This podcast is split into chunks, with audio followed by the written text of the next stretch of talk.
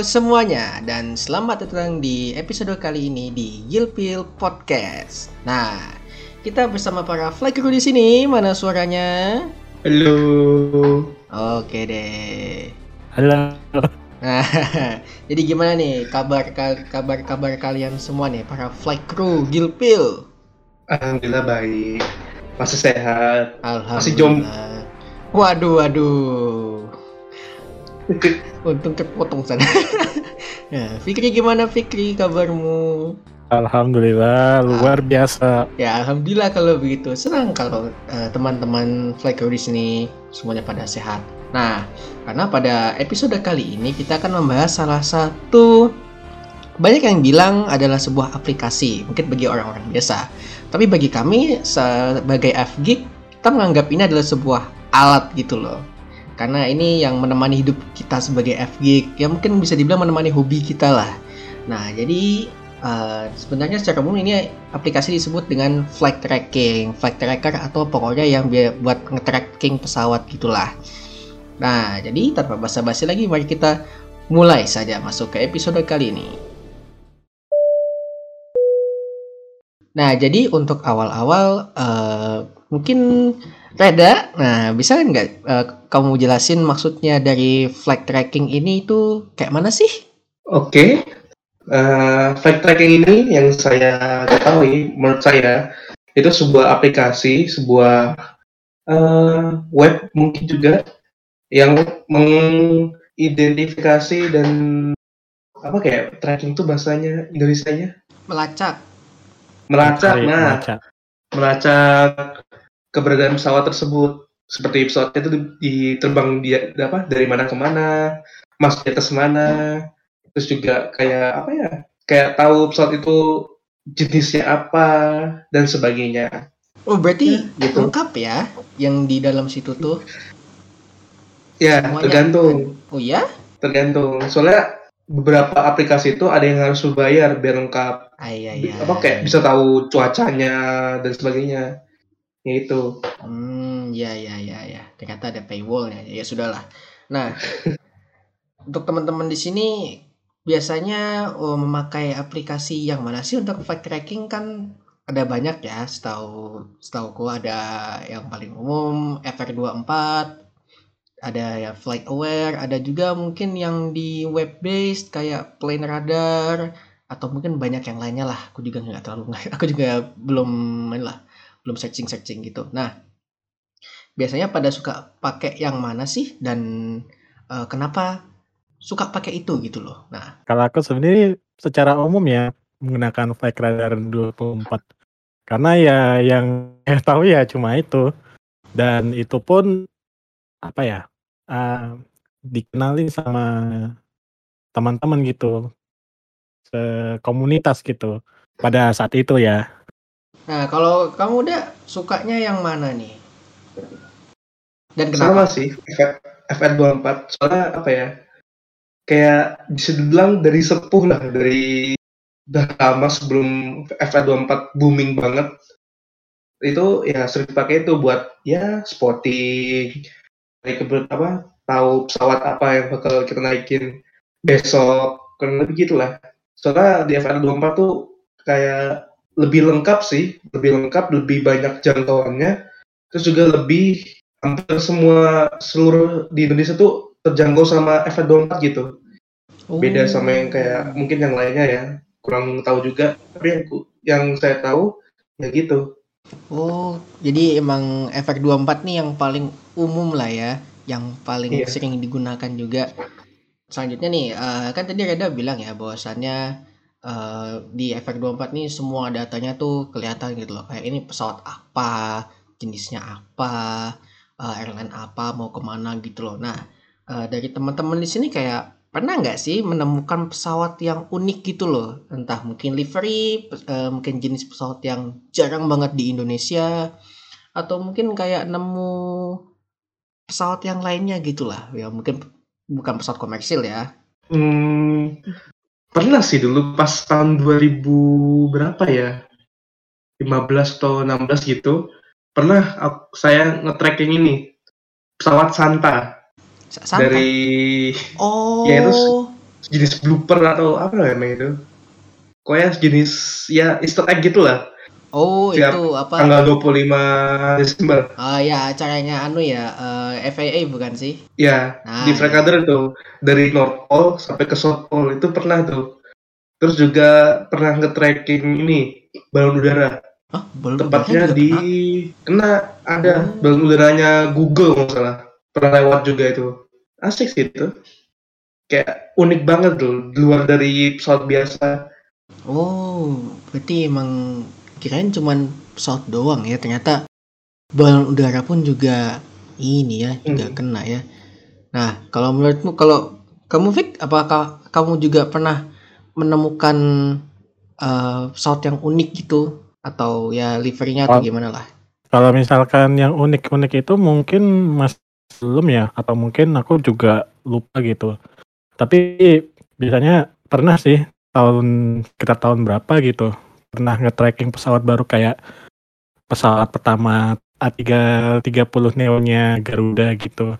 Kalau misalkan untuk yang unik-unik, hmm, sejauh ini mungkin belum ya, belum pernah. Oh, mungkin okay cuma itu sih. Oke okay deh. Nah, uh, selanjutnya nih, kalian ada anu nggak sih kayak melakukan hal yang unik gitu dengan dengan flight tracking ini? Ya entah mungkin kalian di bandara nongkrong terus uh, ngeliatin wah itu pesawat siapa yang akan berangkat? Wah ke mana? gitu. Atau mungkin kayak agak sedikit lebih anu ya lebih advance ya kayak mantengin flight radar 24 terus habis itu disambi dengan live ATC gitu. Jadi kayak mantau beneran lah. Radio masuk dari FR24 juga masuk gitu. Nah, ada yang pernah teman-teman saya ada yang pernah kayak ngelakuin hal yang kayak gitu atau uh, kayak mana tuh? Tadi apa tuh? Uh, itu ya? Ngelakuin hal yang inilah. Menggunakan uh, FR radar ya? Ya kayak hal yang unik lah. Kan selain di tracking gitu, uh, ya apa kayak gitu. Oke okay, oke. Okay. Oke, okay. pernah sih dulu waktu di rumah saudara gitu kan, iseng-iseng tuh di FR radar ada fitur namanya IR atau VR ya itu ya namanya? AR, AR, AR. AR. IR. Ya, IR gitu kan. Nah itu kan tinggal kayak apa ya buka kamera terus kita kayak lihat sekeliling itu di map itu pesawatnya apa gitu kan. Nanti muncul di kamera kamera itu sendiri kan. Nah sempet tuh iseng-iseng juga penasaran. Dan kalau misalkan di bandara sendiri pernah juga sih itu biasanya aku pakai buat misalkan buat apa buat aku syuting ini pesawat dari mana pesawat dari mana. Biar nanti istilahnya kalau di video tuh ada keterangannya gitu. Oh iya ada Mungkin, tulisannya. Iya jadi kayak nge-tracking gitu kan apa pakai IR juga. Mungkin cuma itu sih. Oke deh. Ya, kalau Reda mungkin ada hal yang unik yang kamu lakukan? Banyak sih. Yang apa ya dulu tuh pernah pas tahun 2015-an juga itu pas masih jauh dari boomingnya F24 ini pernah tuh di bandara Jogja dulu. Kan iseng-iseng wah pesawat apa ini bakal naikin?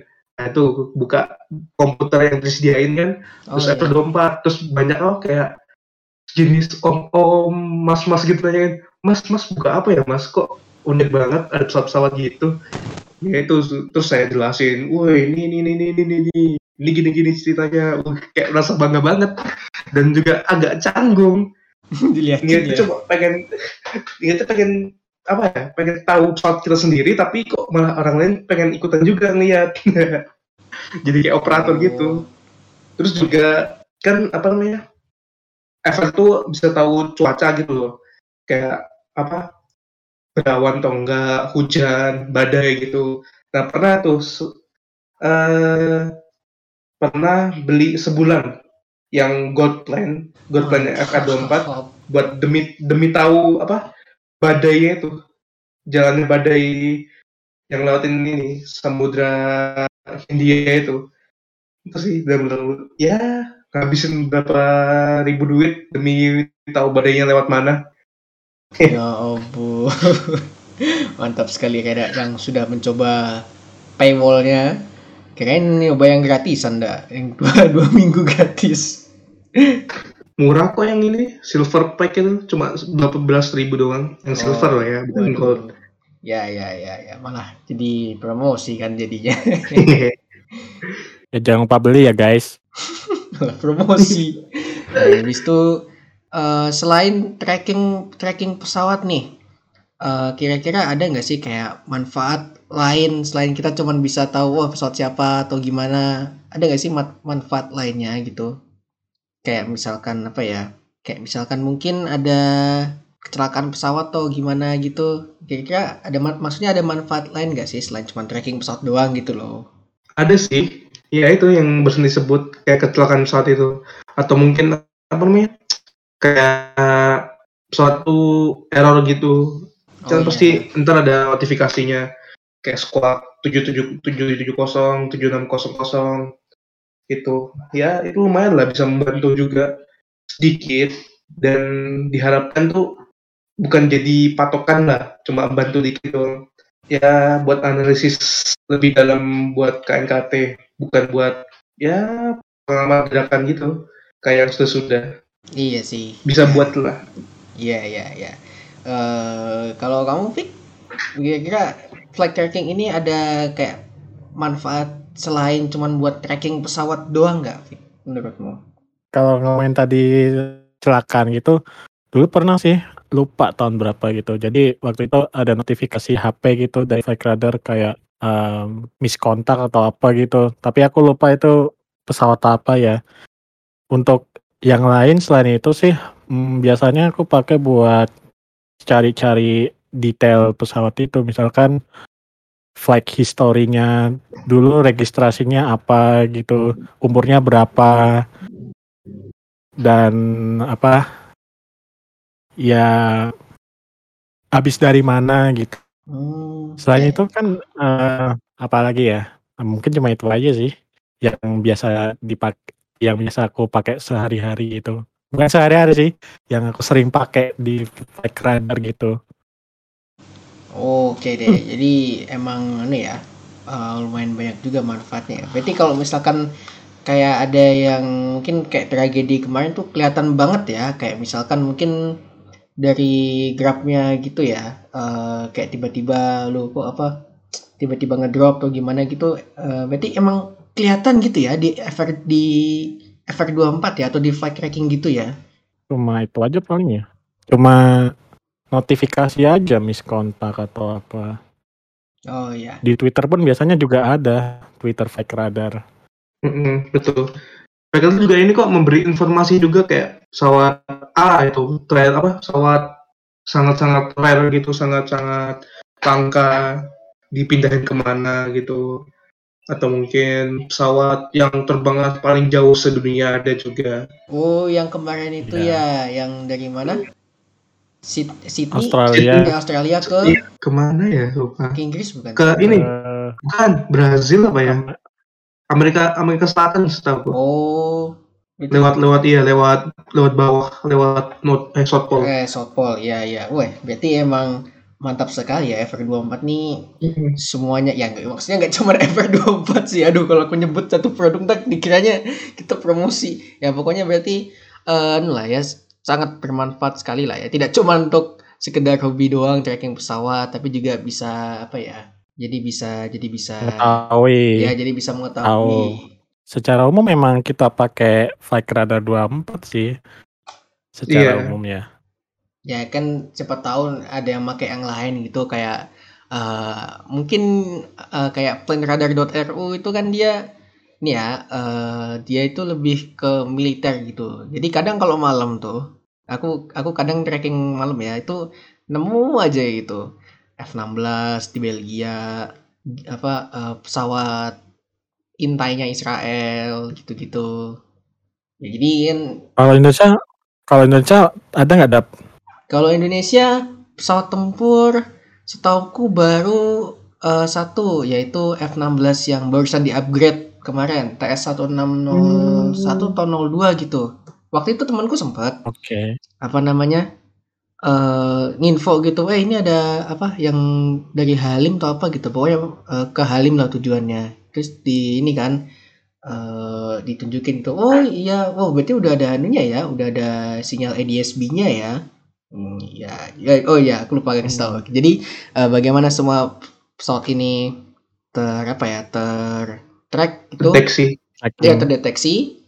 Itu uh, mereka dapat yang namanya sinyal ADSB tuh jadi dari sinyal ini tahulah semua semuanya gitu. Dan ADSB itu apa? Nah ya ada bisa jelaskan ADSB ah ini aku udah ketemu nih. Apa namanya? ADSB itu apa apa itu ADSB dah? Jadi ADSB adalah Automatic Dependent Surveillance Broadcast. Nah. jadi merupakan apa ya kayak pemantauan itulah pesawat gitu. Tapi dia nggak menggunakan satelit. Bedanya itu. Tapi menggunakan eh, anu ya sinyal iya, gitu ya? Sinyal gitu nah. Benar-benar sinyal. Ngomong-ngomong soal ADSB nih uh, mereka tuh dapat datanya dari mana sih? Kayak kan yang ADSB nya kan dari pesawatnya. Nah gimana cara mereka tuh bisa dapat datanya gitu loh kan gimana ya apa mereka ada semacam receiver khusus yang harus dibeli terus dipasang gitu dan nanti dikonekin sama FR24 atau gimana sih cara mereka dapat semua datanya gitu? Nah sekarang uh, itu pertanyaannya, gimana cara mereka nangkep sinyal ADSB-nya gitu loh? Apakah harus pasang receiver sendiri gitu? Ya kan takutnya harus pasang tower atau gimana gitu kan ya kan juga kurang tahu. Nah gimana cara mereka itu mendapatkan sinyal ADSB-nya gitu loh ada? Kalau di penjelasan sini sih iya pakai kayak router gitu, router wifi di rumah tapi bukan router wifi di rumah beneran lebih bentuknya mirip lah kayak gitu terus dia kayak lempar sinyal keluar ntar kan pesawatnya tuh bakal kayak nangkep gitu loh tung tung nah itu ntar dikirim balik lagi ke ADSB-nya kurang lebih seperti itu oh berarti emang ada alatnya khusus ya, itu mm -hmm. uh, kayak itu kita beli itu kalau kita beli tuh kira-kira harganya berapa tuh dulu sih tahun berapa ya?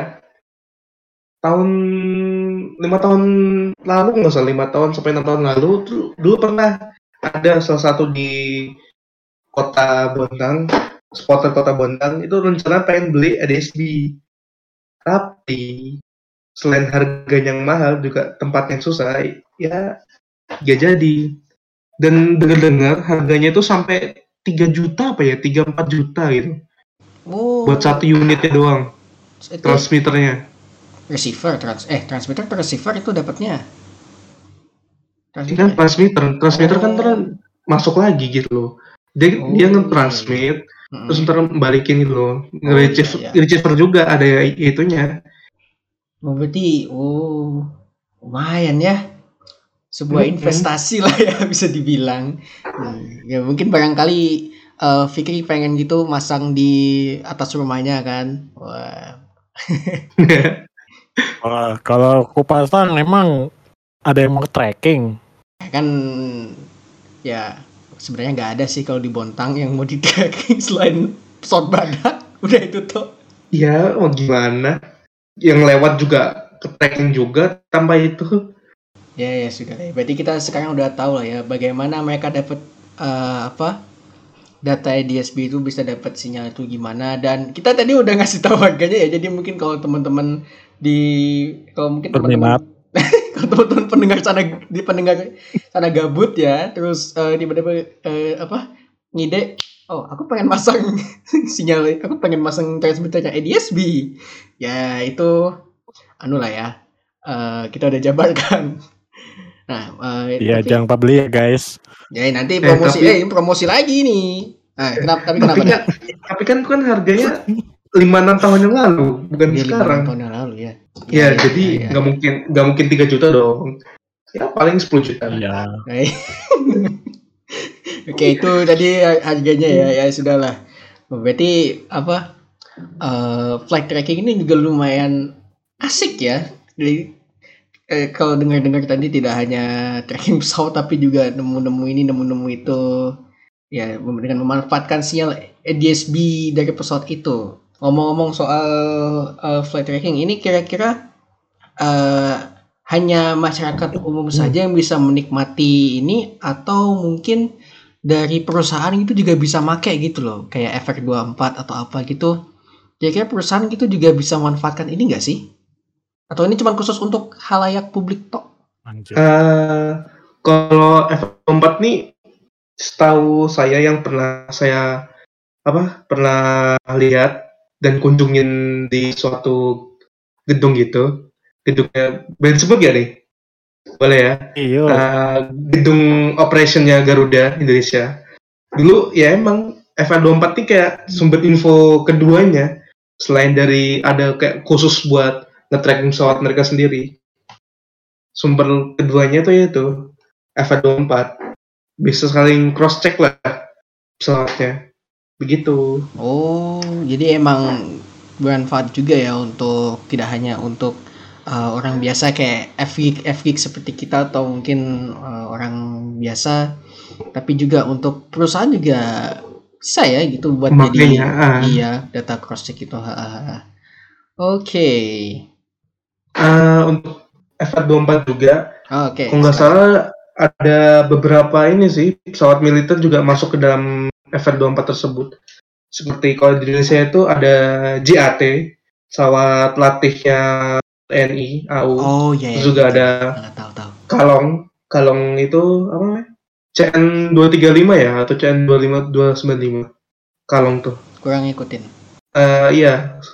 Pesawat angkut ringannya TNI juga termasuk di flight tersebut jadi ya mungkin inilah bisa juga men-tracking apakah pesawat tersebut lagi bantuan misi misi apa misi bantuan kemanusiaan, kemanusiaan. dan sebagainya. Oh iya iya iya ya. Berarti kirain untuk spesifik uh, anu sendiri ya apa kayak website sendiri ternyata efek 24 juga nangkep ya yang seperti itu ya. Ya, seperti hmm. udah jelasin sih. Terus juga okay. mau tambahin lagi nih. Oke. Okay sekarang di Vekadil itu udah terdapat apa namanya tracking via satellite itu nah, yang khusus untuk uh, transoceanic ya oceanic atau ini ya? Yang melewatin Pasifik apa? Iya itu melewatin Pasifik itu. Ya, Samudra Pasifik kan soalnya kan di situ kan kayak tempat trackingnya susah nggak ada benar-benar kosong gitu kan cuma laut. Nah yeah. terus juga suatu inovasinya Vekadil itu yaitu menambahkan tracking via slide jadi ya jadi nambah ini nambah jangkauannya gitu. Jadi tahu juga di ternyata di Samudra Pasifik itu juga bisa terdeteksi pesawat gitu. Oh oh berarti juga bisa satelit ya tidak perlu yang ADSB ya? Maksudnya yeah. sinyalnya gitu. Oh ya ya ya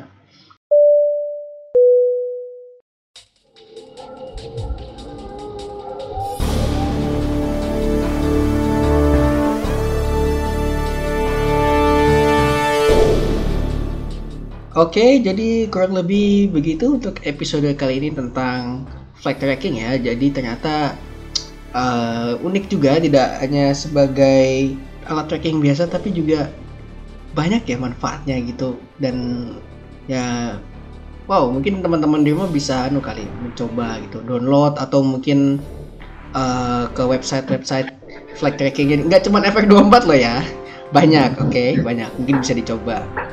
Oke, okay, uh, eh, jadi kurang lebih begitu dulu untuk episode kali ini. Dan jangan lupa untuk follow Gilpil Podcast, IG-nya ya Gilpil underscore podcast. Dan jangan lupa untuk pantengin terus Instagram kami karena sekarang kita udah anu ya punya segmen baru yang namanya Gilpil News ya. Nah jadi untuk jadi untuk informasi uh, informasi terbaru soal dunia dirgantara, nah kita sudah punya di situ untuk di IG. Nah, jadi jangan lupa untuk follow dan jangan lupa untuk kasih like ya. Nah, oke okay, jadi Oke, okay, jadi segitu dulu teman-teman. Sampai jumpa di episode selanjutnya dan sampai jumpa. Dadah. Dadah. Good day. Dadah.